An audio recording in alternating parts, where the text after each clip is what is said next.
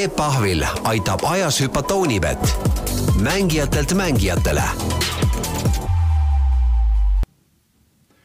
tervist, eetris on Peep Pahv ja hüpetaja järjekordne saade.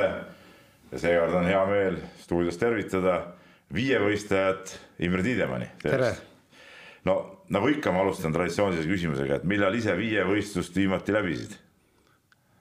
ma arvan, see on ikka aastaid tagasi. Ei ole päris selline ala, mida niisama ette võtaks ja tegema hakkaks? päris nii ei ole. nõuab äh, kõva trenni või, või noh, seal on tehnilised alad nagu sees? Äh, tehnilised ja füüsilised, et seal on vaja ikka korralikult harjutada.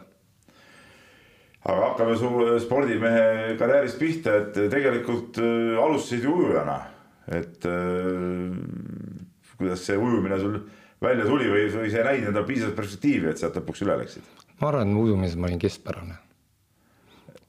Et, et ei näinud nagu perspektiivi ja siis oli võimalus hakata viievõistlust tegelema ja tundus nagu loogu, loomulik jätk. kas ise leidsid, et sihuke ala nagu viievõistlus on olemas, noh, et ma lähen hoopis hakka seda tegema või, või keegi kutsus või mismoodi see käis? ei, ikka kutsuti, sest viievõistlejad tegid peale meid ujumistrenni ja ütleme, Annimatsi laagrites olime nagunii koos ja kui vahest sai neid seal ka jooksus võidetud, siis oli treener nagu pidevalt kutsus. No aga eks see ongi ju ujumine ka võhmaala, jooks ka võhmaala, et noh, seal pole midagi imelikku ju, et tegelikult äh, ujuja mõnikord võidab. no võimalik aga no viievõistlus niisugune natuke omapärane ala, ta ei ole mingi ülipopulaarne ala, et, et, et sa olid siis äh, viieteistaastane, kui selle ala juurde jõudsid, et kus viieteistaastane poiss, et kas ta tõesti unistab sellest, et oh, ma tahan viievõistlust teha, no see nagu ei, ei tundu nagu nii nagu seksikas, nagu ütelda. No siis, siis oli minu jaoks see loomulik jätk, et sporti ma olin harjunud tegema väiksest peale ja tahtsin ennast proovile panna ja, ja oli kutsutud ka ja jään rahule. aga hirmutav ei olnud, seal on mingid hobused, tuleb seal hobustega tegeleda ja ma ei tea, püssi lasta vahepeal ja vehelda ütleme, need on ikka siuksed hoopis teised alad, kui ujuja siiamaani oli harjunud. ei, hirmutavat küll ei olnud. aga no kuidas see alustamine siis käib, et ütleme noh, tuleb noormees, no on ujumist teinud, ujumine on ka üks viievõistlusala teadupärast, no sellega on nagu selge, et seda ta oskab. aga kuidas nende teiste alade juurde siis viiakse ja, ja, ja kuidas see asi nagu alguses üles ehitatakse üldse, et harjuda nende kõikide aladega? no praegu ütleme vehklemist teeme koos vehklejatega, ütleme Tallinna Mõõgas eh,. jooksu laskmist viin mina läbi ja ratsutama hakkavad, ütleme ratsutamine või võistel siis alates juuniorite east ja hakkavad hiljem, alguses ongi lihtsamad treeningud. kõige väiksematel on jooksu ujumine, siis tuleb laskmine juurde, siis tuleb vehklemine. et samm-sammult. aga mis sulle endale kõige keerulisem oli, ütleme harjumiseks just nendest aladest? ja miks? ma ei oskagi öelda niimoodi, et keeruline. Ei olnud nagu keerulist. et kõik asjad tulid kohe niimoodi loomulikust intelligentsist lihtsalt välja või? ei, ei, ei tulnud. kui sa oled ujujana harjunud kaks korda päevas harjutama, siis kui sul on vahepeal mingid muud treeningud, see ei olnud probleem, harjutada, trennis käia aga kuidas seda üldse nagu jaotatakse, no see ei ole nii, et, et noh, ega kümnevõistlused ka iga päev ju kümmet ala ei tee, kergejõustiklased samamoodi ju viievõistluses ei ole nii, et, et täna lähen trenni ja siis alguses tund aega ratsutan ja siis tund aega vehklen ja siis veel tund aega ujun peale, vaid see päris nii ei käi, eks ole, et seal on kuidagi ikkagi üles ehitatud, kas teed mingi tsükliliselt ühte ala või, või siis üle päeva mingeid või, või kuidas see asi välja näeb? no ütleme, füüsilised alad, jooks, ujumine on enam-vähem igal päev ja siis tehniliste aladega mängid, täna käid ratsutamas, homme vehkled, ülehomme teed näiteks hoopis laskmist ja nendega mängid, aga ütleme niimoodi kaks kuni kolm treeningut päevas, täiesti normaalne. Ja ütleme, viieteist, kuueteistaastase poisina seal, seal tegid, no see võttis terve päeva ära ju, jõudsid natuke koolis käia ja ülejäänud aega oli ainult trenn? Mm, põhimõtteliselt küll, hommikul tsikis tunnid hakkasid kell üksteist, ennem seda sai teha käia trennis, peale seda kuskil kolmveerand neli, neli lõppesid, siis läks kuskil kaheksani õhtu välja. kas sa tsikki said juba viievõistlejana või, või olid sa ujujana tsikis? ujujana. ujujana ja siis eh, kooli sees lasti nagu ümber, ümber nii-öelda õppida? jah mm. -hmm. aga eh, no aga eh, mulle endale nagu tundub alati see ratsutamine seal viievõistluse sees on kõige sihuke võib-olla keerulisem ka omandada, et noh, seal on vaja loomadega nagu kuidagi looma mõista ja loomaga sõbraks saada, samas viievõistlejatel oma hobuseid vist pole, eks ole, teil võistlustel ka ju, ju loositakse need välja, et, et kellega parajasti sõidad, et, et trennides ka siis peab pidevalt nagu laenama hobuseid või, või kuidas see trenn no, käib siis? Mõistlik on ühe hobusega õppida, et saada enam-vähem selgeks ja siis äh, vahetada, et harjuda erinevate hobustega. aga ütleme, see looma, loomast arusaamine, no seal võib ju sattuda ette igasuguseid äh, frukte teadupärast hobune ei ole ju, ju sihuke alati väga rahulik loom, et äh, oled saduvast maha kukkunud või? korduvalt. aga mis, mismoodi see hobuse tatsustamine käib siis, kui perutama hakkab? Ei noh, tavaliselt need kukkumised tekivad kas hüpetel, kui on mingi tõrge või nii, et äh, perutamine, see ei, selle pealt ei tule maha. või need viievõistlejatele antaksegi tavaliselt siuksed rahulikumad hobused ka, kes nagu nii särtsu täis ei ole võib-olla või? ei, mitte alati. seda ei tea kunagi, milline see välja tuleb või ütleme, kui võistlus on ja viievõistlejatel noh, see hobuse loos käib, noh näidatakse, näe, sina saad nüüd selle hobusega, no vaatad peale kohe saad aru, et, et mis, mis iseloomud on või, või kuidas see käib no ennem võistlust antakse ka ütleme hobuste nimekiri, natuke nagu hobuste iseloomud, nad on selle võistlusraja juba eelnevalt läbi sõitnud, et nad äh, hüppavad neid takistusi. Ja seal on juba ka märk, et kas tal on kannused, stek, ütleme, kus ta tegi tõrke või kus ta ajas maha. vahest on en, ennem võistlusi on, ütleme, see hobuste kontroll parkuur ja sinna on äh, treeneritel võimalik juurde ka minna vaatama ja teha oma märkmeid ja siis anda pärast edasi, kui sportlane saab, mis hobuse. jah, et ütleme, on mingi info on ikkagi olemas, et ütleme noh, tuleb mingi hobune see, eks ole, siis treener ütleb, ahah, no see oli nii ja tegutses naa, et, et, et tead, kuidas, kuidas siis läheneda. aga palju seal võistluse ajal selleks harjumiseks aega jääb üldse hobusega, et, et loositakse ära, pead kohe selga hüppama ja rajale minema või, või jõuab seal natuke no kuidagi kohaneda ka või? loositakse ära, siis on teatud intervalli järgi antakse nagu rasvutajatele hobused kätte. soojenduseks on aega kakskümmend minutit, sealhulgas viis hüpet. aga see toimub kõik soojendusplatsil.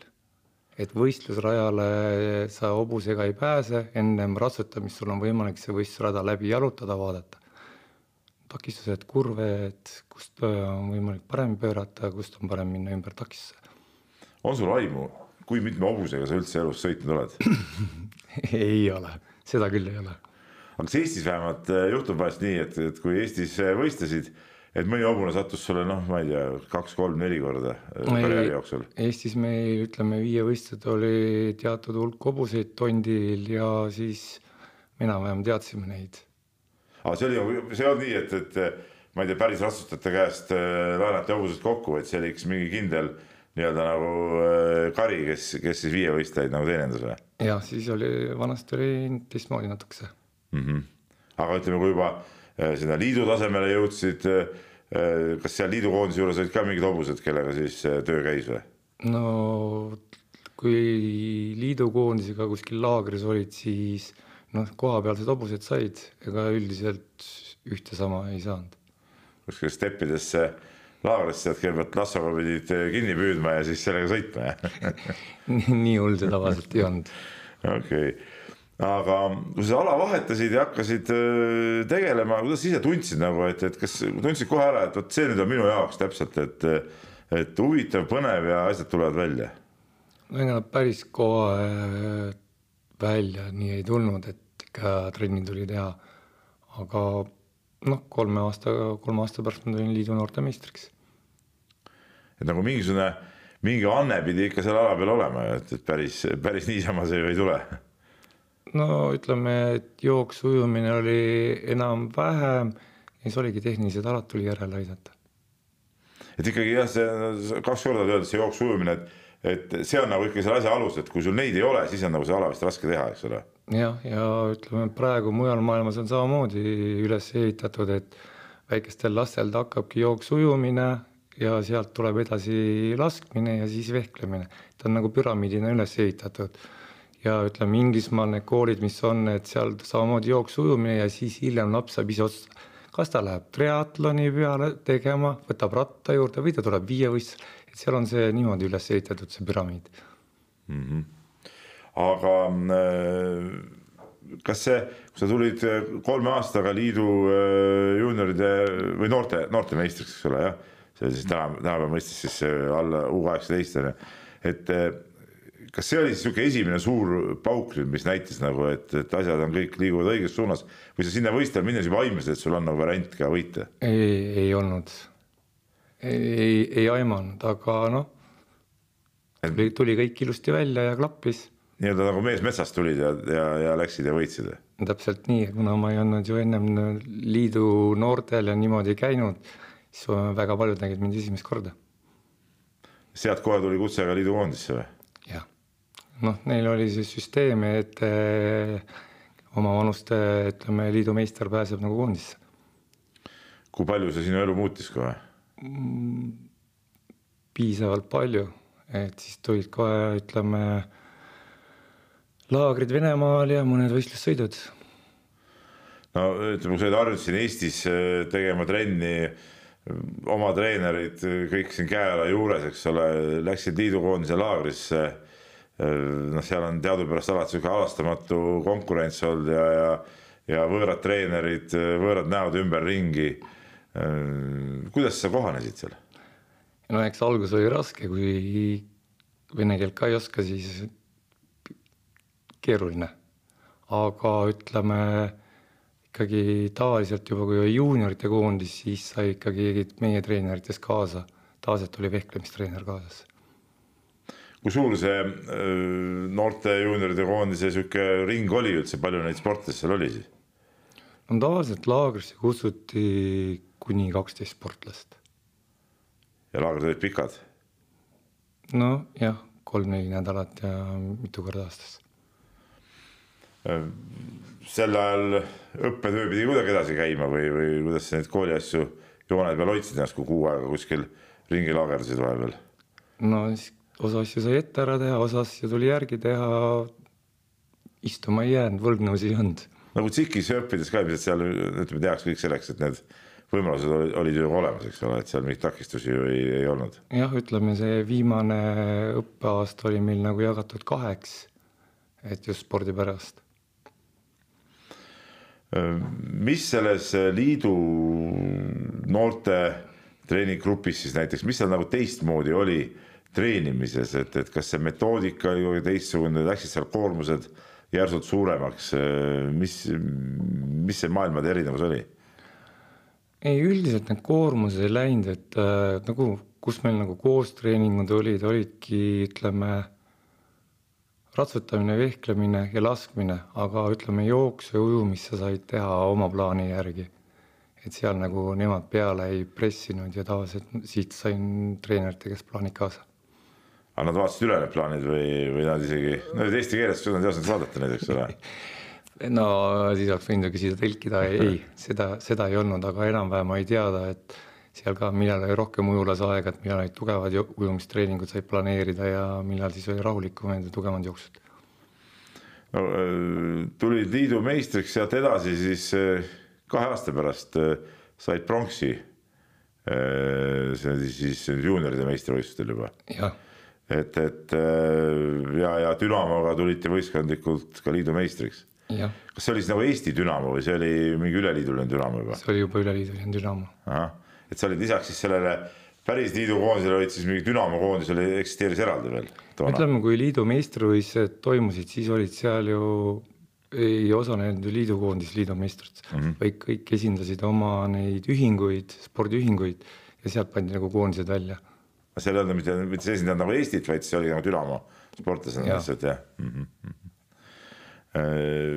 no sealt, see, see oli juba sihuke suhteliselt keeruline aeg, eks ole, et äh, Eestis siin ka äh, oli juba uutmine ja, ja see vabaduse värk hakkas kõik peale, lauldi siin nii-öelda meid vabaks, kuidas, kuidas sellistele asjadele seal liidukoondise ajal vaadati? No see oli, kui sa siin äh, juunioride meistriks tulid selle Dünamoga aastal tuhat üheksasada üheksakümmend, eks ole, et, et, et siis siin ju see möll kõik käis juba. no õnneks on nagu väga suur möll ja kui sa oled koondise, koondises olid, ega no seal nagu tähelepanu ei pööratud, tavaliselt koondiselaagrid näiteks vaid kui kuskil Moskva lähedal, siis nad ei olnud ju Moskva linnas sees, et me olime natuke eemal, et meid see möll, möll nagu ei puudutanud. Seda, et nüüd äh, Eesti natsionalist äh, tahab, tahab siin Nõukogude Liitu lõhkuda, sulle nina peale visatud seal või? no see teema tekkis üheksakümmend üks, üheksakümmend üks. et äh, me olime Moskvas, meil hakkas Moskvas laager kakskümmend august, ma arvan, et kõik teavad, mis kuupäev see on ja maailmameistrivõistlused olid siis septembri lõpp Jah. Barcelonas nagu eelolümpia ja siis olidki treenerid, Vene treenerid olidki kahe vahel, kas võtta mind kaasa või mitte. et äkki ma sõidan kaasa, ütlen, et Eesti on iseseisev ja ei võistlegi nende eest, et siis neil ei ole võistkonda välja panna ja nii edasi. et noh, seal neid probleeme nagu oli piisavalt palju. sul endal ei tekkinud seda mõtet, et kas üldse sobibki enam liidukoondise eest välja minna? no seal oli hoopis teine küsimus, et äh, kui öeldi, et äkki ise olümpiale üheksakümmend kaks ja üheksakümmend üks toimub äh, mm samades baasides, samades kohtades, kus olümpia. loomulikult tuleb kõik võimalused ära kasutada. no ma olen kuulnud ka mingit lugu, et seal selleks, et sa üldse liidukoondisse pääseksid, et seal oli isegi mingi altkäemaksu teema oli, oli mängus, et, et vastab siis tõele või kuidas see asi käis seal täpselt? no kus suitsu, kus tuld seal suitsu või ükspuha, kumma, kumma pidime ütlema. aga ütleme siis see abi tuli siit Eestist, et, et see, et sind sinna koondisse sisse lükata või üldse? et, et muidu nad poleks tahtnud võtta sind? no ütleme nii, jah. aga sa ise teadsid ka seda sel ajal või ise kuulsid hiljem alles sellest? eks ma midagi teadsin. aga minu asi oli sel hetkel teha sporti ja mitte sekkuda, tõestada end spordis no mäng vääris küünlaid, et sa ka tol aastal tulite ju võistkondlikult tulite maailmameistriks, nii nagu aasta varem olite ka tulnud. jah, individuaalselt tulin neljandaks. individuaalselt neljandaks jah, et, et oli seal mingi variant individuaalset medalit ka püüda või noh, oli see, et kui neljas oled, siis variant muidugi oli, eks ole, aga. ennem variant oli, ratsutamises ma ajasin viimase takisse maha, see on miinus kolmkümmend punkti. kolmanda koha ma kaotasin viie punktiga, teise koha kaotasin kahekümne ühe punktiga viimase takistuse. siis peab ütlema, et äh, pagan ikka selle hobuse süü oli, eks ole. no ennem ratsutamist ma ei olnud teine, aga teised samamoodi eksisid, et äh, oli võimalus. et oleks puhtalt ära teinud, oli. oleks kõik, olnud äh, jah ja, hõbe mm. -hmm no sel ajal, kui sa seal äh, juunioride võistlusel käisid ja noh, ütleme ka üleliidus seal Dünamot esindasid. sa olidki nagu Eestist ära sisuliselt, sa olid vist nagu sõjaväes samal ajal või, ise või? Jah. et sõjaväes sa pidid siis, sa olid spordiroodus kusagil, ma eeldan, eks ole, sa olid siis kuskil Venemaal või, või, või, või, kus sa hinge, hingekeeles olid? Tallinnas. Tallinnas, siin ikka Tondil, kus see, kus see elab, jah, jah ja.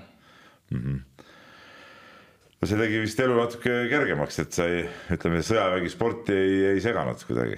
noh, ütleme alguses oli see, et üle nelja kuu ma ei saanud teha sporti et siis oli see, ütleme meie mõistes praegu on noorsõduri aeg mm. -hmm.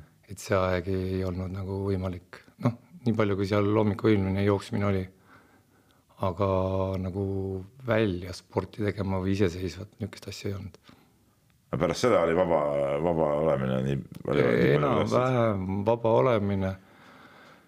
sisse kutsuti meid kõik, kõik suured pühad. et keegi kuskil millegi millegiga vahele ei jääks mm. -hmm. ütleme uus aasta või midagi niimoodi, et siis oleks olnud nagu ülemustel probleem. no äh, viievõistluse sees on ju laskmine ka, et kas äh, sportlane, kes on äh, ühtlasi ka laskur äh,, sõjaväes on heas kirjas sihuke mees vist või? no ütleme, et sõjaväes üldjuhul lastakse nagu automaati ja teisi relvi, aga meie laseme püstolit, et noh, et ütleme tavalisel ajateenijal ei ei olegi püstolit. no püstoliohvitseri no, see relv, eks ole, see ongi. no üks päästikule vajutab, üks sihtimine kõik ju ei ole või? no püstoliga saad ühe käega, ütleme, või kahe käega, aga automaat natuke teistmoodi. nojah, kui kõhuli kuskil seal kaevikus oled, siis nojah, abiks ikka, aga ma arvan, abiks ikka kui. no ei, loomulikult sa tead, kuidas sihtida, kuidas päästa, kuidas hingata, et hingamisrütm, kõik nii edasi ma tulen korraks tagasi veel selle, selle juunioride MM-i juurde, viimane, mis oli üheksakümmend üks kuidas konkurendid teiste riikide sportlased, no ma ei seal ikka ju soomlased mingid, kuidas nemad sind nagu tajusid, et noh, see oli ju teada, et Eesti oli, oli juba selle oma iseseisvuse välja kuulutanud ja edasi sa seal võistlesid. kuidas nemad sind vaatasid, kas nad patsustasid õlale, et oh näed, et et Eesti mees või võtsid nad sind ikka nagu, nagu venelast seal, et, et said nagu venelastega koos? no siis võeti, et me oleme liidukoondis ja ega, ega ma arvan, et nendel noortel ei olnud ka see asi veel ju kohale jõudnud. me olime liiga noored selleks. jah, et ei, ei jälginud neid, neid asju. ütleme, et ei jälginud niimoodi neid asju ja siis ei olnud ka nii palju, ütleme neid infokanaleid. kui tihe see liidu koondise sõel nüüd oli, et, et et äh, tiitlivõistluse saada, sa ütlesid seal koondises Laagritsa kutsuti kuni kaksteist äh, meest kohale. kuidas sealt need mehed välja valiti, oli see mingi lõputu kontrollvõistluste äh, sihuke kaskaad või, või mille, mille pealt need valikud tehti? no mingeid kontrollvõistlusi oli, aga eks neil oli, ütleme, kaks või kolm isikut oli nagu ütleme võistluste järgi ütleme välja valitud ja siis oligi põhirõhk käis, ütleme, kes on see varu neljas või viies. et see peale käis nagu põhi, põhi nagu rõhumine. aga ütleme üks, kaks, kolm oli enam-vähem nagu juba kindlad. nägu pidi meeldima, et sinna välja valitud hulka saada. või pidi peaaegu üle olema teistest äh,. kumb siis sina olid, olid peaaegu üle või, või, või nägu meeldis eks seda peab enda käest küsima, aga ma arvan, et ma olin ikkagi neist natuke üle, kuna üheksakümmend üks, ma olin juba üheksakümmend juuniorite liidu juuniorite koondises ja võistlesin, ütleme, et eh, noh, mul olid juba kogemused olemas, ütleme juuniorite tiitlivõistlejalt, et minu, minu jaoks oli see asi natuke lihtsam. ma sirvisin tegelikult eh, ühte olümpiaraamatut ka, kus oli, see oli siis Atlanta raamat, kus oli sinu sellest eh, teekonnast natuke räägitud, seal sa nagu mainisid, et, et sa väga heas kirjas tegelikult treenerite juures liidukoondises ei olnud.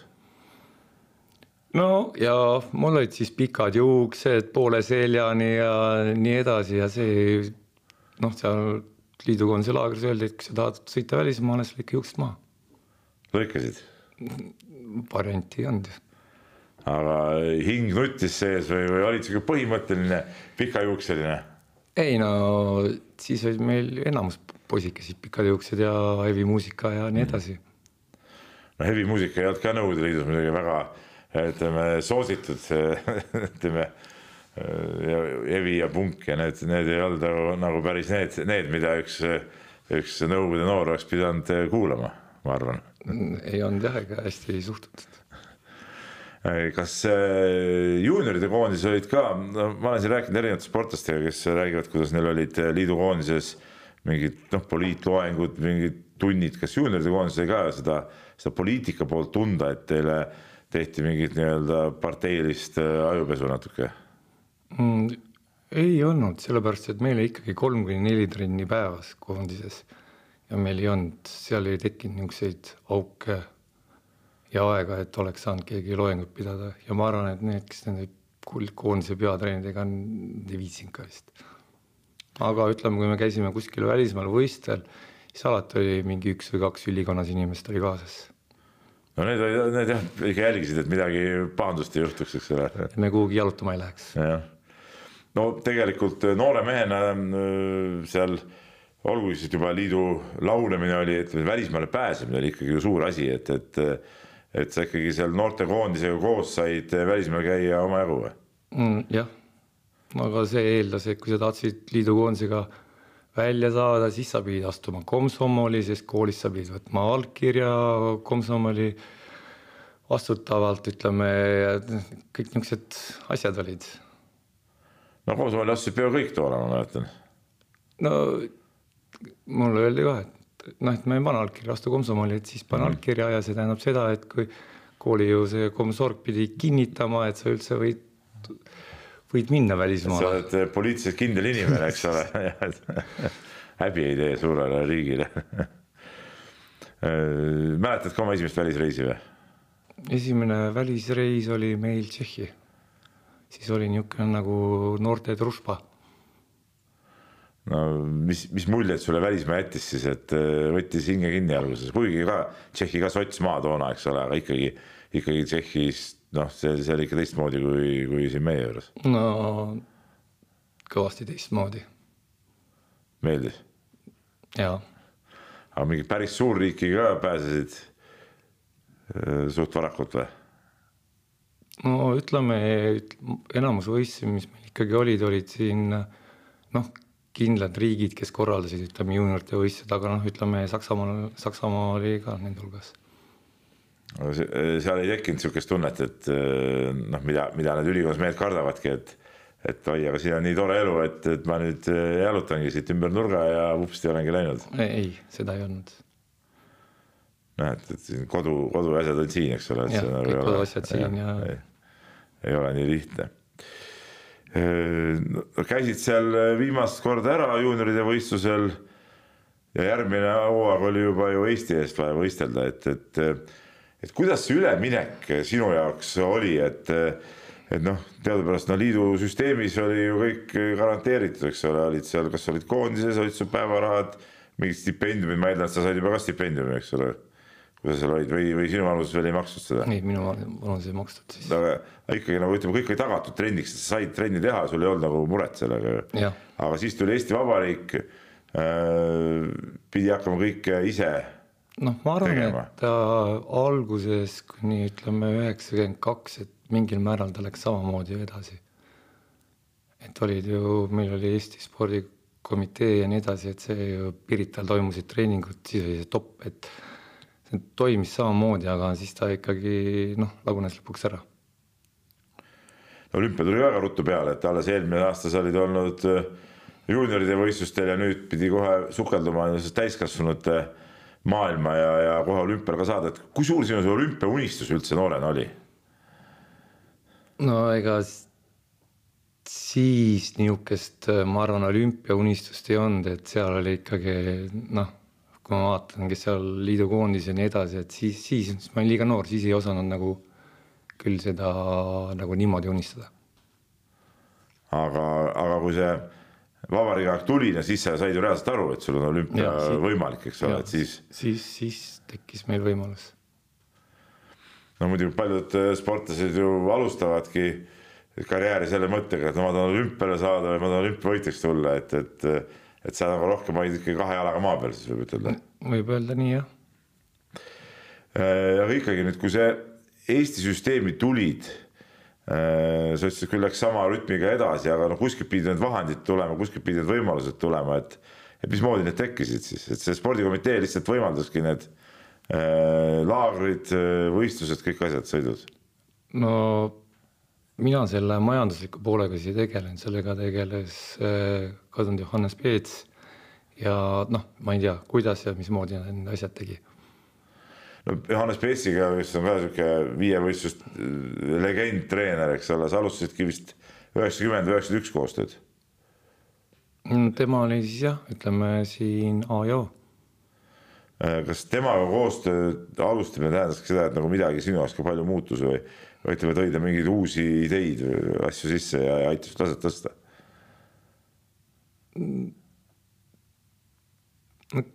mingi aeg, aeg kindlasti aitas nagu tõsta ja kindlust ja.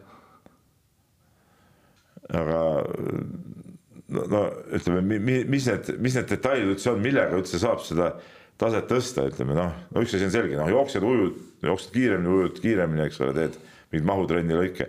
aga seal tehnilised need äh, alad, ütleme, et, et kuidas seal, kuidas seal see taseme tõstmine üldse käib? no vehklemine, ratsutamine, no ütleme, ratsutamise erinevad hobused, on erinevad koolkonnad ja nii edasi, erinevates riikides veetakse natuke erinevalt. noh, veh-, vehklemises on samamoodi koolkonnad, et erinevatega treeningpartnerid, erinevad laagrid, et see kõik aitab kaasa nagu. no see vehklemine viievõistluse sees on üldse päris julm ja see on ühe torkeni, eks ole, et, et seal nagu, seal nagu mingid äh, nagu päris vehklejad on, et seal noh, viieteist torkeni, eks seal on aega nagu parandada, et vigade paranduse jaoks nagu võimalust ei ole, et, et et see paneb ja matš võib kesta praktiliselt ainult minut, on ju. matši aeg on minut, aga ütleme, kui meil toimub praegu võistel boonusring, siis on matši aeg kolmkümmend sekundit see läks veel kiiremaks, ikka ühe torkeni, eks ole. ühe torkeni ja üldjuhul võistel vehklemismatšid kestavad viisteist kuni kakskümmend sekundit. et suht kiirelt otsustatakse ära. vaimselt äh, raske. sa pead vaimselt kokku võtma ja noh, ja kohe järgmisele vastasele ümber. et seal kõik vehklevad kõigiga läbi, eks ole. et seal ju käid ühelt rajalt teisele nii-öelda ja vaata, see on järgmine, ahah, tšah, torkad ära järgmise juurde, tšah, torkad ära ja nii edasi, eks ole. täpselt nii. No et see on nagu sihuke, on, see on hoopis teine spordiala kui klassikaline vehklemine, võib nii ütelda. no olemuselt, kui ühe selle torki peale on, ehk siis kogu aeg on lisaaeg nagu ütleme nii, et kogu aeg on lisaaeg jah. jah, aga samas ütleme tegelikult ju viievõistlejana sa käisid ise ju vehklemisvõistlustel ka päris palju ju nii Estikatel kui isegi siin Tallinna Mõõga MK-etappidel oled osalenud. et see on siis nagu treeningu mõttes ja, ja kogemused.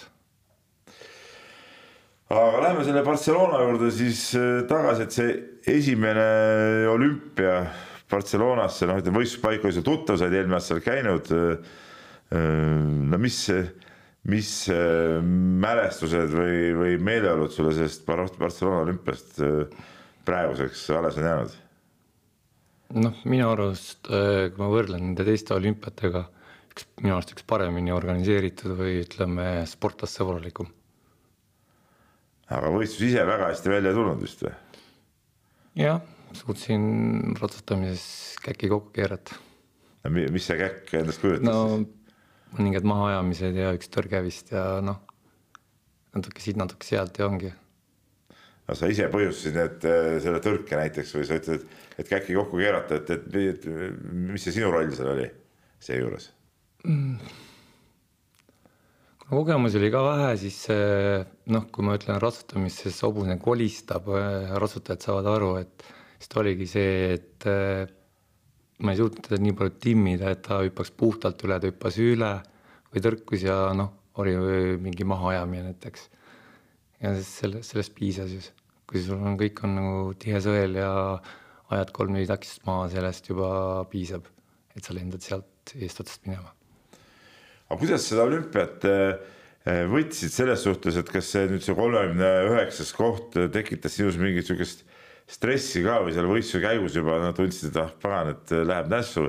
teisalt sa olid nii noor mees, esimene täiskasvanute tõeline tiitlivõistlus, et, et sa võtsidki seda kui õppimiskohta, samas noh, olümpial minna nagu õppima ka niisugune kahe otsaga asi nagu. ma arvan, et see esimene olümpia, et seal sai minu Eesti oli esimest korda, me kõik, ma arvan, seda nautisime ja noh, eks enamus olid käinud suur, suurvõistlustel, tiitlivõistlustel kogemused olid ikkagi ütleme Eesti eest väljas, et ma arvan, eks see kõigile tekitas väikseid pingeid. no olümpia läbi, uue olümpia oli neli aastat aega ja, ja ma saan aru, et siis tekkisid nagu tegelikult ikka natuke raskemad perioodid, sa pidid ka tööle minema, et üldse oma seda spordimehe elu ära majandada kuidagi. jah, ma töötasin, üks tööl, kolm vaba.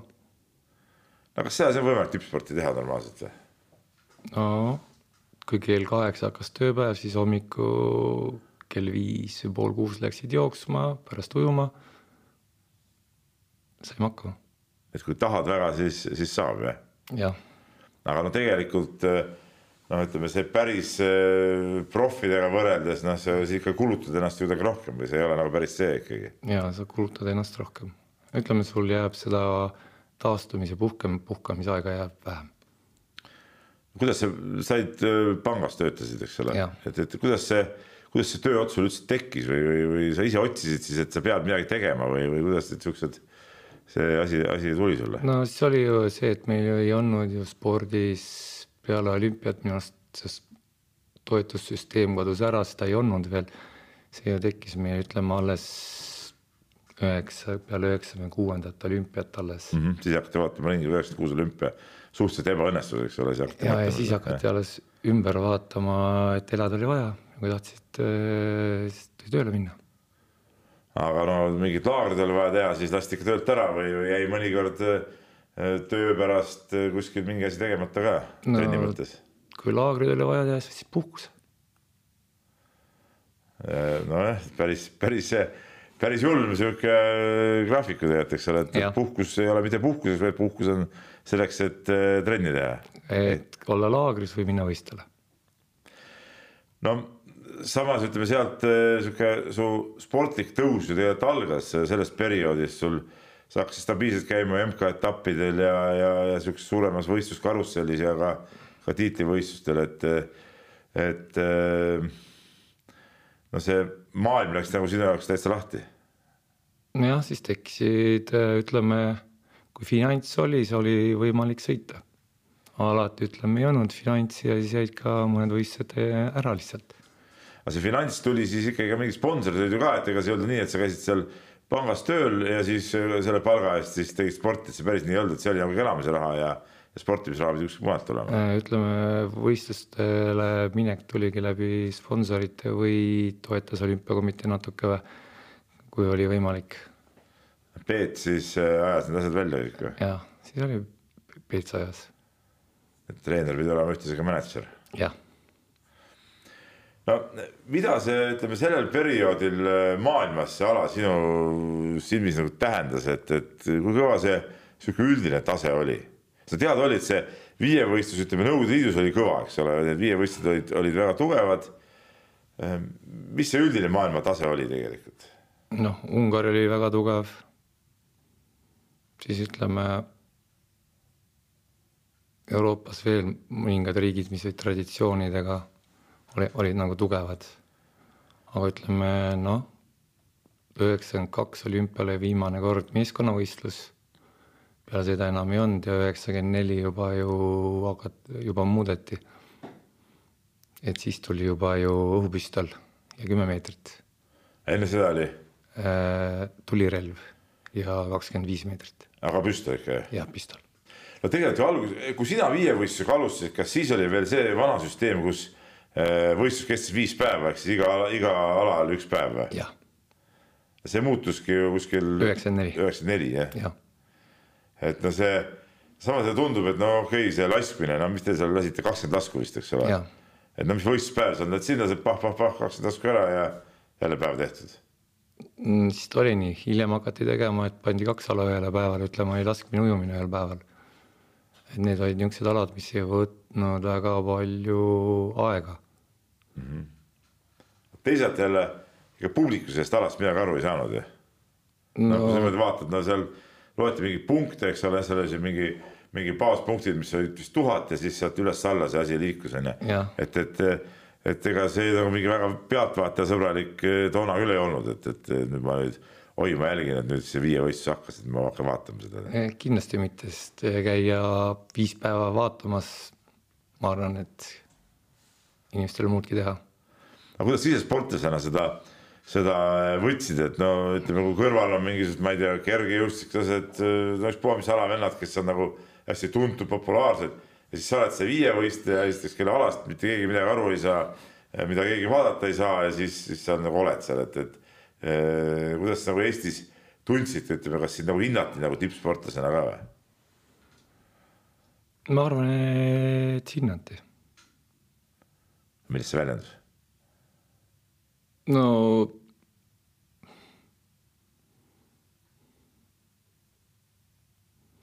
halvasti ei öelnud keegi, toetati, küsiti, kuidas läheb ja nii edasi.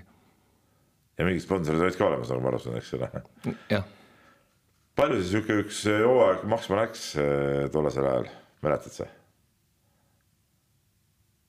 Hmm, ei mäleta, sest ma ise ei tegelenud selle finantspoolega. aga noh, üldjuhul me, kui oli võimalik võistlema minna, siis me käisime kuskil, ütleme ikkagi Euroopas ligemal. no kas see kõik need neli aastat kuni Atlanta olümpiani sa tegid seda pangas eh, turvatööd, ütleme kogu selle tsükli ja see käis nagu ühtemoodi sul kõik, et, et, et eh, ja Atlantasse läksid ikkagi juba noh, nagu suurtemate lootustega võrreldes näiteks Barcelonaga või, siis sa olid juba küpne, küpsem sportlane ka ju. jah, mis sa ootasid sealt? Atlantas oli tegelikult vorm oli päris hea. aga noh, seal on muud iga, igasugused nagu erinevad probleemid tulid välja. no treeneri infarkt kindlasti oli üks asi, treeneri infarkt ja siis põhimõtteliselt äh, kes viievõistluste veel tagasi oli Tõnise Tomm, aga tema oli just ära sõitnud, siis seal käis ju ka vahetustega, siis kohtade arv oli piiratud. ja siis oledki võistel noh, põhimõtteliselt äh, nagu viievõistlejatest äh, ei olnud kedagi ja näiteks siis oli Ants Kiviselg oli mul, kes aitas mm, -hmm. oli vehklemise juures ja niimoodi liikus. aga seda Peltsiga juhtunut äh, sa mäletad ka või sa olid ise juures, kui tal see äh, eskaleerus, see infarktjoog? see oli täpselt see, et nad pidid minema ratsutamist vaatama, neid hobuseid, seda kontrollparkuuri. ja siis, kui tal see juhtus no ma mäletan, ma olin juba toona ka noore mehena natuke ajakirjanduses, ma küll olümpial, sellel olümpial kohal seal ei olnud, aga aga siis oli juttu, et, et ta tegelikult juba, juba eelmistel päevadel vist natuke see sihuke tervis jukerdas ja, ja, ja andis nagu tunda, et, et sa seal ise olümpial olles ja siis võistluseks valmistudes ise ka tajusid, et, et et, et võib-olla ei ole treeneriga kõik päris hästi või, või, või tekitas sinus mingit muret see ka või sa, või sa ei pannud nagu seda ka niimoodi tähele? ma ei pannud ka seda niimoodi tähele ja ta nagu ta ei näidanud välja ka ise, sest ju arstid ja olid ju kaasas seal mm. -hmm.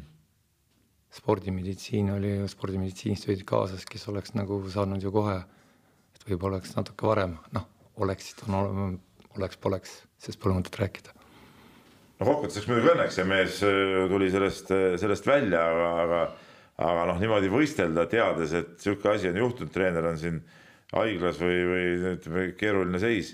Äh, see jätab ikka oma sügava jälje ilmselt sisse mm,. ega ta lihtne ei ole. seda enam, et kui sa siukest alad ka pead keskenduma mitmele asjale, eks ole, ja kas siis oli juba nagu see ühepäevane võistlus või? jah. ja, ja, ja kokkuvõttes äh, sai seitsmenda koha, mis on tegelikult noh, oli jäigi olümpiate parimaks, et, et, et kuidas sa nagu hindad, et, et Äh, oli see, oli see su karjääri üks äh, tipphetki, noh, olümpiaseitsmes on ikkagi olümpiaseitsmes, see on, see on ju, tegelikult see on ju kõva asi. Ju mm..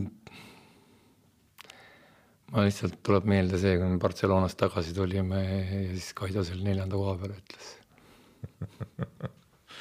No seitsmes on veel jamam ju sest äh, ütleme, see Atlantas oli niisugused huvitavad plakatid, näiteks metroos. sa ei võitnud hõbeda, sa kaotasid kulla. no päris julm muidugi. jah. no see mõnes mõttes sportlasi motiveerib ja teises mõttes jälle võib-olla ka natuke sihuke, kuidas ma ütlen, nagu noh, närvi ajav sihuke asi. aga mille taha see siis jäi, et, et ei õnnestunud sealt, ütleme medalit napsata. no üks asi oli jah, see treeneriga juhtunu. võistluse sees oli mingeid apsakaid. no natuke siit, natuke sealt, igalt poolt ei puudu. sihukest reaalset, sa nagu tundnud, et reaalset variant, et, et mingi ühe asja taha jäi, et muidu oleks nagu ära võtnud? ei, ma ütlen iga, igalt poolt natukene, et mõned punktid vehklemist, mõned laskmist, mõned ratsutamisest ujusin, kui ma ei eksi, kolm kakskümmend seitse, kolmsada oli meil siis, et see oli minu kohta suhteliselt normaalne ja jooksuaeg oli ka normaalne. noh, tehnilistel aladel natuke siit, natuke sealt. samas ütleme MK-etappidel ja seal sa olid juba esikolmiku kohti saanud, eks ole, selleks ajaks, et, et, et tegelikult ei oleks olnud ju mingi ime, kui sa oleksid medali peale tulnud seal. ei oleks ei, ma arvan, et kõik sportlased tegelikult, kui nad juba olümpial on ja teatud tasemel, siis nad ikkagi loodavad. no rõhk on sõnal teatud tasemel, eks ole, et, et kõik ei saa loota, et nad medali peale välja lähevad. nii jah, seepärast ma ütlesingi teatud ja, tasemel. Äh, kui palju sa ise nagu põdesid seda võistlust enda sees läbi elasid?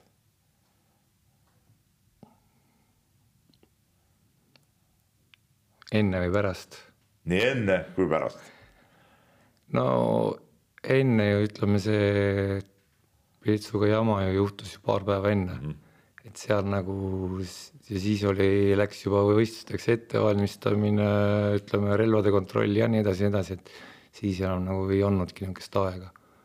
no pärast, eks natuke ikka põdesid, et oleks võinud paremini, natuke siit, natuke sealt, aga noh, mis tehtud, see tehtud. Aga sa ei ole sihuke väga, väga sügavalt põdeja, et äh, langed musta masendusse, kui kui võistlus välja ei tule. ei lange selles suhtes, et tuleb järgmine võistlus. või miski aitab, aitas sul äh, seda äh, leevendada? ei, meil tuli vist, kui ma ei eksi, tuli peale seda veel vist maailmakarika finaal või midagi, et noh, ei olnud niisugust. No sa oled äh, selles suhtes eriti kõva mees, sa oled kolmel olümpial käinud ja, ja Sydney äh, kaks tuhat oli su kolmas olümpia, meil on ilus pilt ka sellest siin taustal, kus sa seal jooksed ja tuhat ühe- aastal kaks tuhat siis, eks ole, see oli eh, ilmselt sinu siis karjääri üks, üks ka tippe, sa tulid samal aastal Euroopa meistriks. et see oli mõni kuu enne olümpiat ja tõesti olümpial jäid järsku neljateistkümnendaks. oli see põrumine või? Mm, no ütleme, see on põrumine, neljateistkümnes koht olümpial on põrumine. aga miks sa põrusid? ma arvan, et ma, me läksime Sydneysse varakult kohale. koos, me läksime koos vehklejatega, me tegime seal, harjutasime. ma arvan, et ma lihtsalt olin liiga kaua seal ja ma vaimselt väsisin ära. aga see Euroopa meistritiitel tõstis sinu enda jaoks ka ootused ja lootused väga kõrged ilmselt. No ma võitsin esi-, kõigepealt oli olümpiakvalifikatsioon, see oli Koreas, kus ma tegin selle olümpiakoha ära, siis tuli Euroopa meistritiitel, siis olin MM-il olin neljas. et no vorm, ütleme, vorm oli hea. aga ma lihtsalt, ma arvan, et liiga kaua olime koha peal, mina olin, sest minu võistlus oli lõpus mm. -hmm. ja lihtsalt väsisin, väsisin ära sa olid siis kogenud sportlane, kolmekümne aastane. nagu ma ütlesin, kolmas olümpia, sul on MM-ide kogemused, EM-ide kogemused, kuidas nii kogenud sportlane teeb sellise pealtnäha nagu lihtsa vea selle, selle ajaarvestusega just, et, et ta läheb liiga vara kohale. no tegelikult siuksed sportlased peaks ju teadma, kuidas see koha peal praadimine ja kodunt eemal olek ja kuidas see kõik mõjutab seda. noh, ütleme enne kui me sinna kohale läksime, oli ju ka, olime Venemaal laagris, et seal tuli veel üks kuu, kuu otsa. aga vehklejad läksid laagrisse, siin nagu ei toimunud enam vehklemistrenne, see oli sparingut vaja ka, eks ole. mul oli vaja veelde ka. et see oli nagu ütleme ka teiselt poolt äh, olude sunnil no kas seda altminekut põdesid rohkem kui, kui eelmisi või? Ei põdenud, ei, ei kõik läks jälle niimoodi edasi, eks ole. ei, põdenud. nojah, et, et tegelikult sa jäid ju tippu ju edasi veel ja veel kaks tuhat kaks MM-il olid jälle neljas ja, Jaa. ja, ja kas, kas võib kuidagi niimoodi ütelda, et et, et sa olid, sinu karjäär oli selline seal viievõistluse maailmas, et sa olid nagu kogu aeg nagu tipu äärel. päris tippu, jätame see ühe EM-i võib-olla, EM-i kulla kõrvale, päris tippu kätte ei saanud, ma mõtlen siin maailmameistrivõistlusi ja olümpiat jah, nii võib küll öelda. maailmakarika etappe võitsin maailmakarika arvestuses vist kümme aastat järjest olin kümne hulgas üldarvestuses, et eh, kogu aeg olid seal tipu ligidal, aga seda kõige säravamat ei saanud. aga noh, ma küsin, mille taha see jääb, sa ütled, et väiksed asjad siit-sealt, aga, aga tegelikult, kas see siis, kas see on siis, oli see nagu sinu loomuses, et, et ei olnudki antud võib-olla siukest no ütleme, kõige kõvemal võistlusel eh, neid tipptulemusi teha või, või, või mõned mehed ongi siuksed, kes jälle ütleme, nende MK-etappidel võib-olla midagi kunagi eriti ei saavuta ja siis tiitlivõistlustel on tipus, need on erinevatel aladel võib niimoodi võtta, võtta suusatajaid ja igast asju. aga sul oli nagu natuke jah, nagu teistpidi see asi, et, et, et kas see tulenes kuidagi sinu, sinu loomusest või oli see lihtsalt nagu sinu saatus? ma arvan, et eks ma tegin selle vea, et nagu paljud sportlased kartsid puhata. kogu aeg tahtsid, tahtsid, kartsid puhata ja eks noh, siis ongi, et sul tekib, sa oled teatud tasemel, aga see kõige säravam asi jääb äh, puudu. Puhkus on teadupärast tippspordi üks olulisemaid, ütleme treeningu üks olulisemaid osasid, eks ole. aga sellest sa oled nüüd nagu hiljem alles aru saanud, jah? no nüüd ma proovin, et mu õpilased seda viga ei teeks.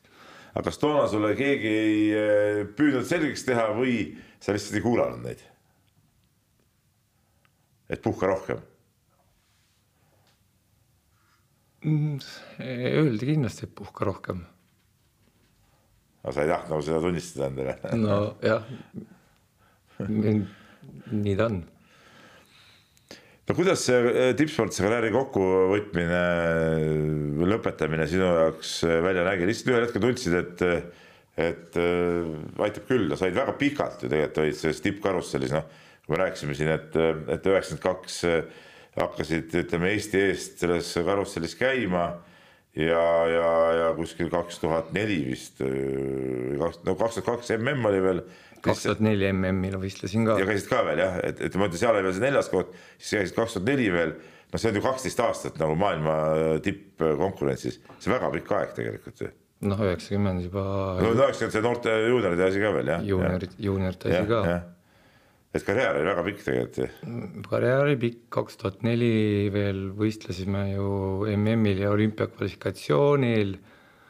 olümpiakvalifikatsioon, olime, kas oli Tšehhis, kus ma vehklemises murdsin varba, noh, väsimusluumurd tekkis ma olin liider, noh, ja siis tõmbasime küll teebiga jala kokku, mõjusin ära. Aga ratsutama ma ei pääsenud, kuna ratsutamissaabas ei läinud jalga.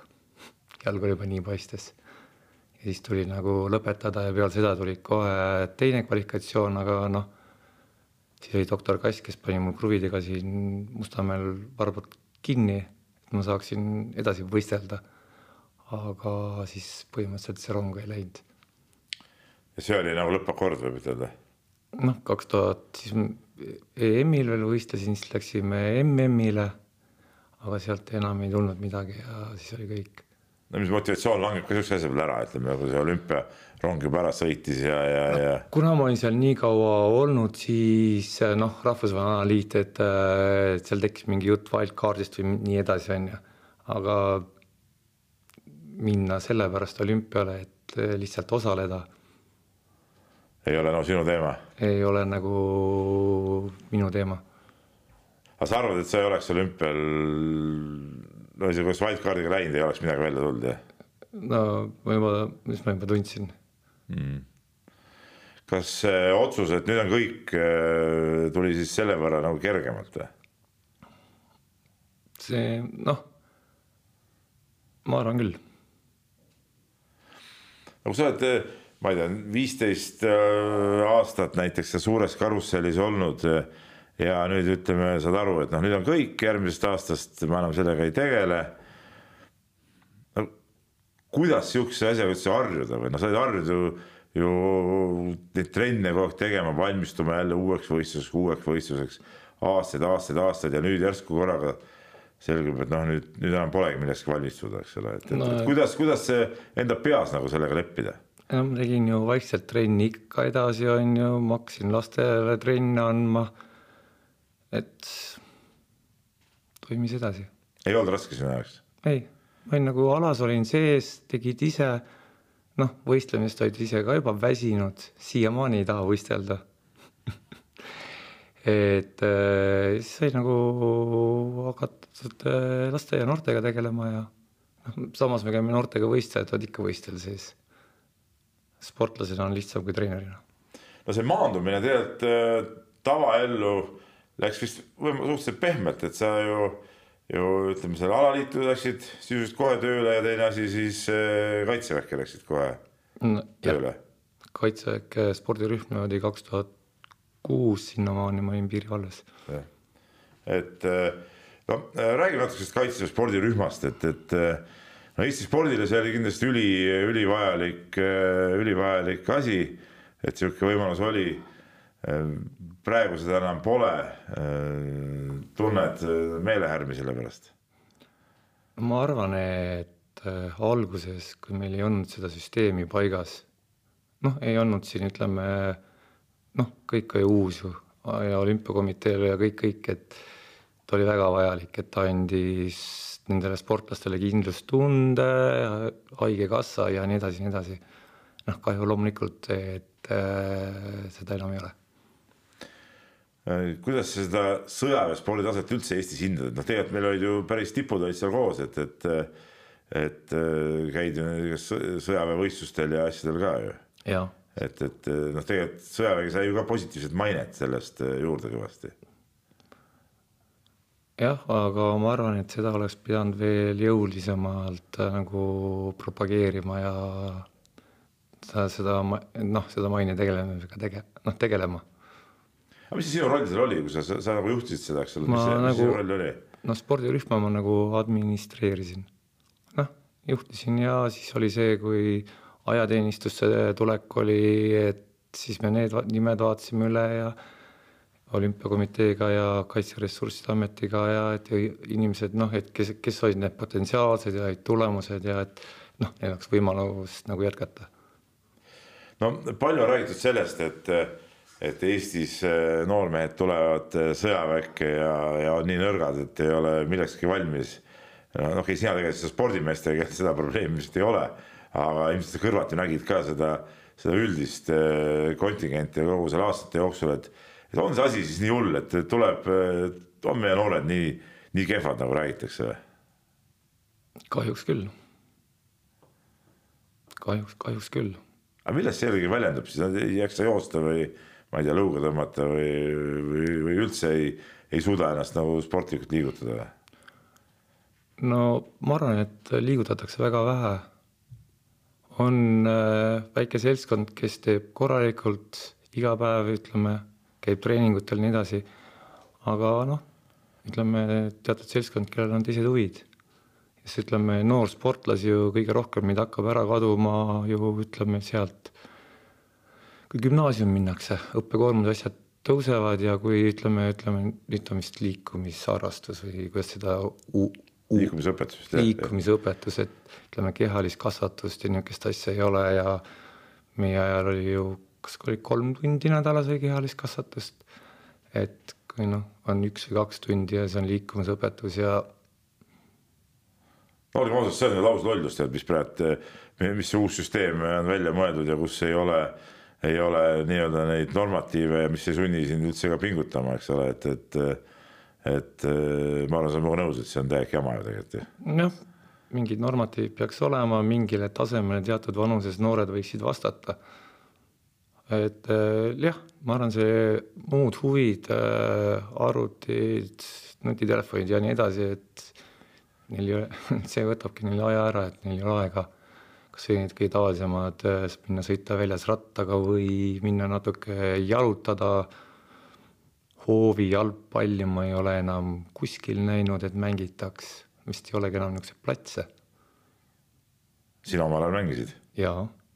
et noh, see ongi see, see vahe, ütleme, mis sina omal ajal noorena tegid, noh, kui sa ei olnud veel nagu nii kõva trennimees või no ma mõtlen väiksema poisina, noh, puberteedina ka veel ja võrreldes see, mis praegu teevad, see on nagu öö ja päev vist, eks ole, just, just see, just see liikumise poole pealt. jah, no siis oli, kui ema ütles, et sa ei saa õue, siis oli nagu karistus praegu nii, et kui pead minema õue, siis see on karistus siis on see karistus jah, et see on, see on päris, päris suur muutus muidugi. Kas äh, Eesti sõjavägi kasvatas siis nendest äh, ütleme äh, sihukestest poistest, kes sinna tulid, kasvatas mehed või? Mm. ütleme, kui me vaatasime, võrdlesime isegi neid füüsilisi mis tehakse sõjaväes, et väga positiivselt juba mõjusid need hommikuvõimlused, kui nad iga hommiku natuke jooksid, võimlesid ja nii edasi. Nad tulid, ütleme, kui ajateenistusse tuldi, tehti test alguses ja siis tehti, kui see noorteaeg sai läbi, et need igahommikused hommikuvõimlused, jooksuvõimlused, juba see parandas päris tugevalt, ütleme, keskmist tulemust no see süstemaatiline tegevus, eks ole, see ongi see, mis, mis ju tulemuseni viib kokkuvõttes. jah no äh, praegu sa enam äh, sõjaväe või kaitseväega seotud ei ole, tegeled ikka oma meelisala, nagu sa ütlesid, sa oled siin treener ja, ja oled ka alaliidus. Ja, ja tegelikult võrreldes sinu ajaga nüüd on äh, see viievõistlus muutumas. et, et kui, kui praegult on veel ratsutamine, millest me oleme siin palju rääkinud, siis ma saan aru, et, et varsti enam ratsutamist ei ole selle ala sees mm,. ratsutamine on kaks tuhat kakskümmend neli olümpial on veel ratsutamine ja peale seda enam ei ole. aga kuidas see ala siis välja nägema hakkab äh,? Ratsutamise asemel tuuakse äh, takistusjooks või takistusriba elemendid. nüüd, kuidas see täpselt toimuma hakkab? hetkel ei tea isegi alaliit. testvõistlusi hakatakse tegema peale maailmakarika finaalis oli vist kakskümmend kaheksa, kakskümmend üheksa juuni. et kas need tulevad sinna laskejooksu sisse või tuleb seal eraldi alana või tuleb seal, et ta on ennem laskejooksu ja sealt sa teed läbid see takistusriba ja edasi lähed siis laskejooksule, ei tea veel. no ega põhimõtteliselt seda ala ju praegu ka me ei saa viievõistluseks otseselt nimetada, ei ole enam nagu viiteala ju tegelikult. ei ole, nüüd ongi. see laskejooks on kokku, see on neli juba, eks ole. ja kui nüüd veel pannakse näiteks takistusriba eh, jooksjale laskejooksu külge siis see on nagu kolmevõistlus hoopis siis ta ju, siis ta juba läheb nagu, et traditsioonilisest viievõistlusest ei ole jäänud midagi järele kuidas sa suhtud sellesse? noh, neid muutusi on olnud nii palju, et äh, tulirelvalt üle õhkrelvale, ühele päevale ja nii edasi. Noh, alade pikkust ja neid on muudetud, vehklemise pikkust on muudetud, kõik on nagu tele, tele, tehtud televisiooni pärast, kui sa ei ole pildis, sind, sind ei ole olemas. no teles ikka seda ala ei näidata kuskil, ma küll ei tea ma ei ole küll sattunud, mul on kodus kõik spordikanalid, vaatan sporti väga-väga palju, ka töö juures telekas mängib kogu aeg. ausalt, ma isegi ei mäleta, mida viimati telekast. Ainult olümpiad on need, kus sa oled käinud kohal või, või, või siis näed, eks ole, muul ajal ei näe ju kunagi seda ala ju. Umpil on oma, kus ta kannab, Umpi, Ump tv on, kus nad kannavad kõik võistlused ise üle. no see on, see on mingisugune nurgatagune internetiportaal, nagu ma aru saan tead. jah, seda arendanud, et kui ma olin Rahvusvahelise Alaliidus siis me hakkasime seda ajama kaks tuhat kümme kuni kaks tuhat kaksteist ma olin Rahvusvahelise Alaliidus, olin seal tehnilises komitees ja noh, ütleme nüüd paar aastat tagasi see alles läks käima. ja nad teevad nagu ütleme laivülekanded võistlelt, et see. no see on, see on nagu elementaarne tänapäeval muidugi, sihukest asja tehakse, et see nagu, see ja. nagu peab olema. aga no ütleme selleks, et ala üldse kuhugi areneks, on ikka oluline, et ta saaks nagu päris televiisorisse ka, on ju, see on, see on nagu võtmeküsimus, ma ei tea, kas ala näiteks eurosport või mingi asi võtaks ja, ja näitaks neid võistlusi. no mingi aeg eurosport kokkuvõtteid näitas, see on aastaid tagasi, võistlust enam ei näita, eks eurosport on ju ka, äh, kõik maksab raha mm.. ütleme rahvus, noh, ma arvan, et põhirahad, mis tulevad, tulevad ju rahvusvahelise olümpiakomiteelt ja kui sind olümpial ei ole, siis seda finantsi ei tule. aga seda ohtu ei ole, et olümpialt teid välja visatakse? praegu kakskümmend kaheksa on küsimärgi all.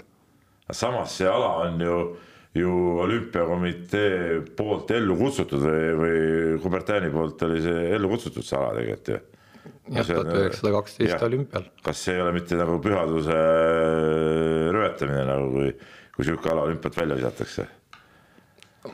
ma arvan, et seal on see üks murekoht on ratsutamine, teine murekoht on, et kui võistlus väga pikalt läheb, ei, keegi ei jõua jälgida, sest praeguse form-, uue formaadi järgi nad tahavad selle ära mahutada üheksakümne minuti sisse. see võiks päästa siis selle ala? et see võib nagu päästa, aga ütleme, see takistusriba ja neid elemente kõige rohkem nagu ütleme push ivad või veavad eest ameeriklased. Ja nad just vaatavad, millised takistuse elemendid ja takistuse, niisugused, neil on erinevad igasuguseid takistusribasid ja elemente, mida seal Ameerikas vaadatakse. et kakskümmend kaheksa olümpial Ameerikas mm. -hmm. ja nemad on jälle huvitatud ja, ja siis nemad nagu kõige rohkem seda torgivadki tagant. no kuidas sa praegu neid lapsi treenid siis lähmisest treeniga nagunii muutunud võrreldes selle ajaga, kui sind ennast treeniti, et, et, et kui see võistlus ise nagu muutunud. Et, et äh, on mingid uued täiesti lähenemised see asjale või? no kui me võtame, meil on alagrupid, siis tuleb poolfinaalid, siis tuleb veel finaal ja põhimõtteliselt on nelja päeva jooksul kolm korda sa võistled ja mis üle kantakse, on see finaal ainult mm. -hmm. et äh, käisime võistleval, tutvusime uue formaadiga, võistlesime. et äh, jah, seda nõuab natuke teistsugust ettevalmistust. oled enda jaoks juba selgeks teinud, kuidas seda teistsugust ettevalmistust teha? see on päris põnev aeg su enda jaoks ka, ma kujutan ette. noh, kui ennem oli, ütleme, kui oli poolfinaal ja finaal, siis sa võistlesid kaks korda, nüüd sa võistled kolm korda ja teed selle kõik läbi, et see juba paneb sulle füüsiliselt või vastupidavuslikult, et sa ka kolmas päev jõuad võistelda. natuke suuremad nõuded. no ja ütleme siis, kui sina võistlesid, siis polnud ju mingit poolfinaali ka, olid, pärast olid. pärast lõpus olid juba? jah, lõpus Aa, olid. selle all tekkisid ja, ja aga alguses ei olnud, siis panid ju oma alad, alad tegid ära ja, ja, ja, ja oli, oli, oli nagu oli, eks ole. et, et see esimene suurem muutus oli ju see, kui see lõpus hakati Gundersoni meetodis jooksurajale minema. noh, jah. et see nagu tekitas esimese siukse eh, uudsuse nagu selle ala juurde, et, et siis ikka nii, kes esimese viiesse jõudis, oli nagu võitja tegelikult. ja aga no ütleme, tulirelva asendamine õhkrelvaga. Nojah, no see on siuke nagu see publiku jaoks ja ütleme vaataja jaoks see nii niisugust rolli võib-olla ei mängi, tead näe. no ütleme, võistluste korraldajatel kergem mm. -hmm. tulirelv nõuab spetsiaalseid tiire, õhk, õhkrelvatiirused igale poole üles panna mm. -hmm. pluss see, et ühele päevale kokku mm. -hmm. et noh, et neid muutusi on olnud, pluss distantse muudeti, et aru saada, kui meil oli kunagi kolmsada meetrit ujumi ja neli kilomeetrit jooksu. Nüüd on kakssada meetrit ujumist ja kolm kilomeetrit jooksu. et noh, kolm kilomeetrit kõik saavad aru, mis on, aga neli kilomeetrit tundus niisugune imelik distants, kolmsada ujumine tundus imelik distants, samas kui ujujatel on kakssada, nelisada. Mhm. et noh, muutusi on väga palju olnud. no mis sa arvad, äh, sa oled see muutuste keerises ja, ja, ja me rääkisime siin olümpiaprogrammist, et kas üldse see spordiala, viievõistlus, no okei okay,, kui ta ei olegi, see on viievõistlus, aga põhimõtteliselt see ala, on ta üldse elu, elujõuvõimeline või, või, või võib karta, et näiteks ma ei tea aastal kaks tuhat kolmkümmend seda ala enam praktiliselt polegi. no mingid fännid on kindlasti, kes seda teevad, on ka teistel aladel. nii, samas ütleme, lastele ta meeldib, erinevad alad. et see ei teki üksluisust. Aga siin ongi see, et kui peaks hakkama rohkem tegema, kaks-kolm trenni päevas, siis kaovad ära aga ütleme noortele jälle erinevad treeningud, erinevad võimalused ei ole üks ja sama. kui palju Eestis praegu neid lapsi on, kes seda ala harrastavad või mismoodi sa üldse käid, käid ka mööda kooli ja ütled, et oo, tulge viievõistlust tegema, meil on siin tore, saate ratsutada ja vehelda? me teeme Audentese spordiklubi all. Audentes suur spordiklubi, Audentes spordiklubi all on meil viievõistluste grupp ja seal me teeme on Eestis veel kuskil neid kohti äh,? oli enne Tartus, aga kahjuks enam ei ole. et see ongi ainus koht praegu on see Audentese spordiklubi? kahjuks küll. et siis Eesti meistrivõistlused on põhimõtteliselt klubi meistrivõistlused äh,? eelmine aasta tegime Eesti meistrivõistlused soomlastega koos. just see, et jagada natuke kulusid nii ütleme ratsutamise poole pealt, kui oleks rohkem äh, vehkle, vehklemises suurem konkurents mm. -hmm. see aasta on üks võimalus, et äh, leedukad tahavad teha Balti meistrivõistlusi või Baltis, et Eesti, Läti, Leedu, et üks võistlus ja kõik saaks ikka selgitada oma riikide omad. et see ongi just see, et oleks nagu huvitavam, et ei oleks ainult oma mätta otsast nagu nokkimine, konkurents suurem no sina kavatsed selle alaga minna siis nii-öelda lõpuni välja, et, et, et sina seda ala ei jäta, võib nii ütelda? noh, praegu on meil eesmärk kaks tuhat kakskümmend neli Pariisi olümpia. on meil sinna midagi lootust saata? jah. mis selleks juhtuma peab? ei, mitte, mitte midagi ei pea juhtuma, samamoodi peame jätkama. no väga tore, jääme siis ootama, et samamoodi jätkate. Me oleme siin üle tunni aja juba vestelnud, aeg on läinud väga kiiresti Äh, ma arvan, et kuulajad said ka äh, selle spordiala spetsiifikast natuke aimu, äh, mis on meile tegelikult ju läbi sinu ja, ja, ja sinu ajal olid ju ka meil väga tugevad naisviievõistlejad ikkagi palju, palju ka kuulsust toonud ja, ja varem, varasemalt nõukogude ajalgi meil oli ju, ju veel, veel viievõistlejaid, et aitäh sulle tulemast. ja, ja rääkimast ja, ja see oli siis Peep Pahvi ajahüpete järjekordne saade. kahe nädala pärast räägime uue külalisega. nägemist. nägemist. Peep Pahvi ajahüpped tõi sinuni Unibet, mängijatelt mängijatele